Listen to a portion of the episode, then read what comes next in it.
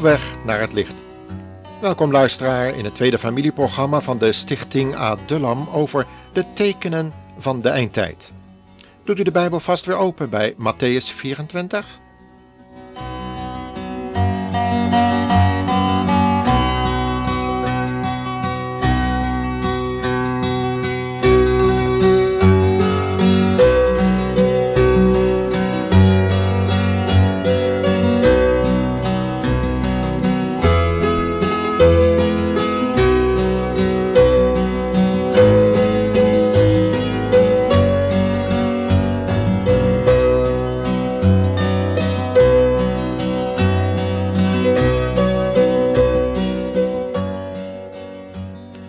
Tweede deel van de nieuwe series programma's Tekenen van de Eindtijd willen we beginnen met enkele teksten voor te lezen uit het Evangelie naar Matthäus, hoofdstuk 24, de versen 1 tot en met 3.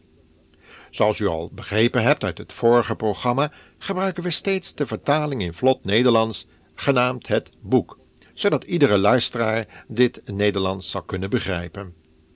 Laten we nu eens met elkaar die drie teksten uit het begin van Matthäus 24 lezen. Terwijl Jezus het tempelterrein verliet, kwamen zijn discipelen naar hem toe. Zij wilden hem meenemen om de verschillende tempelgebouwen te bekijken. Jezus zei tegen hen: Al deze gebouwen zullen worden verwoest. Er zal geen steen op de andere blijven.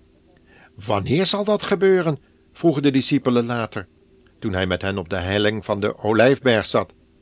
Waaruit kunnen wij opmaken dat u terugkomt en dat deze tijd naar zijn einde loopt? Ja, in dit gedeelte vinden we enkele opmerkelijke feiten die ons aan het denken zetten.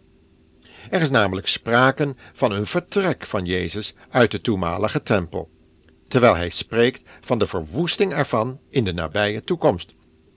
De discipelen schijnen er erg van onder de indruk geweest te zijn al die architectuur van de tempelgebouwen, de schoonheid ervan, het maakte diepe indruk op hem. En toen Herodes met die tempelbouw dan ook begon, wist hij wat hij deed. De Joden zouden hem accepteren en min of meer waarderen, ook al was hij maar een half Jood, vanwege zijn schijnbare belangstelling voor hun godsdienstige behoeften.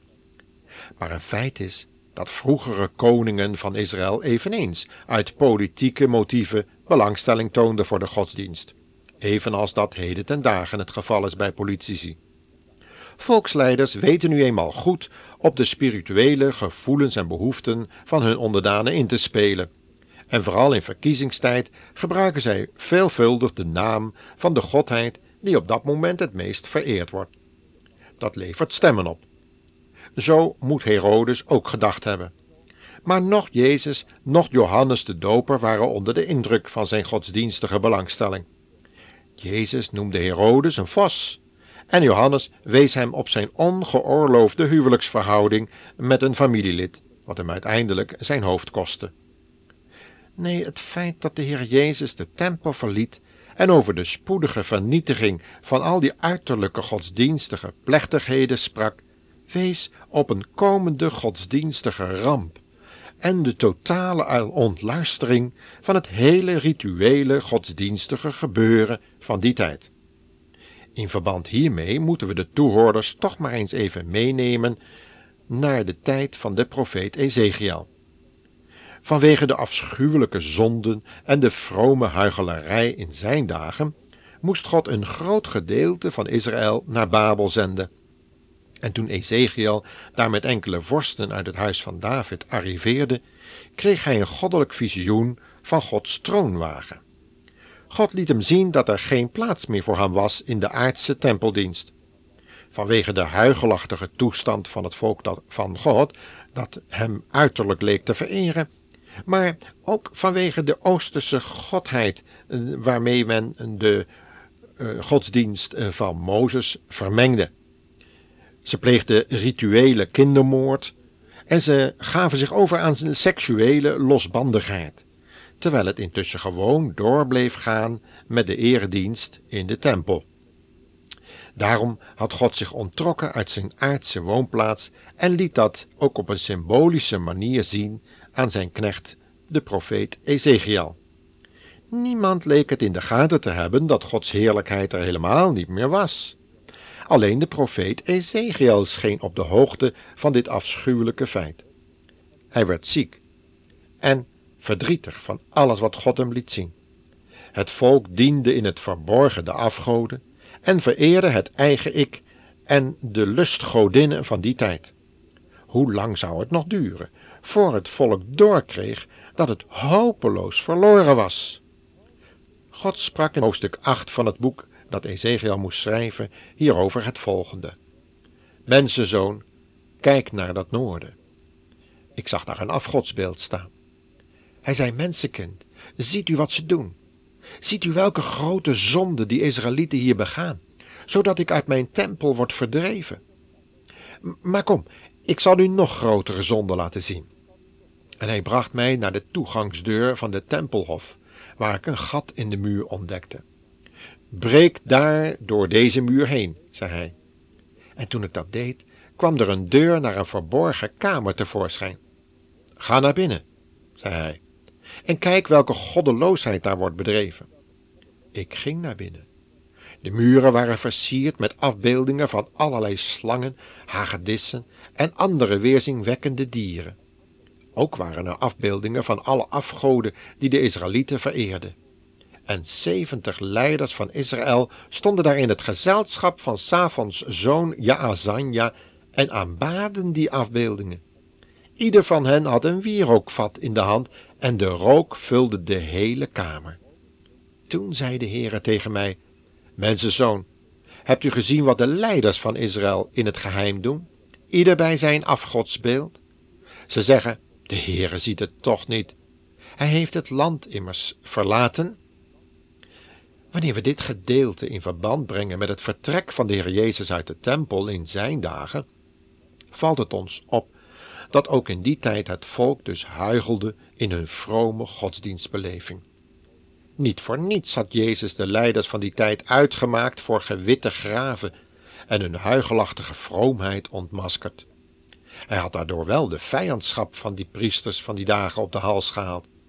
Maar vanwege de onlogenbare wondertekenen die hij gedaan had, hielden zij hun woede nog wat in, uit vrees dat het volk in opstand tegen hen zou komen als ze Jezus zouden arresteren. Maar zijn doodvonnis was reeds geveld, en weinigen wisten dat in die dagen. Maar, beste luisteraar, is het in onze tijd eigenlijk wel zo anders? Kijk nou eens om u heen. Gelooft u werkelijk dat de Heer Jezus zich op zijn gemak kan voelen in de verschillende kerken en godsdienstige groeperingen van deze tijd? Denkt u werkelijk dat hij blind is? Men zoekt een eenheidsbeleving en een samensmelting van allerlei godsdiensten, omdat toch overal de Heere God gediend zou worden. Maar in feite zoekt men het eigen ik te dienen, met behoud van de zondige praktijken die in het verborgen worden uitgevoerd. Overspel, hoererij, seksuele perversie, allerlei verkeerde en onnatuurlijke seksuele gevoelens en praktijken. Het is overal te merken, ook in de kerk. Jezaja schrijft in hoofdstuk 3 vers 8 en verder over deze toestand het volgende. Israëls regering is machteloos en Juda kan niets doen, omdat zij in woord en daad tegen de Heere zijn opgestaan en hem niet willen vereren. Zij beledigen zijn glorie. De uitdrukking op hun gezichten getuigt tegen hem en laat zien dat zij schuldig zijn. Ze spreken onbekommerd over hun zonde, net als Sodom deed. Ze schamen zich er zelfs niet voor. Wat een ramp! Zij hebben hun veroordeling aan hunzelf te danken.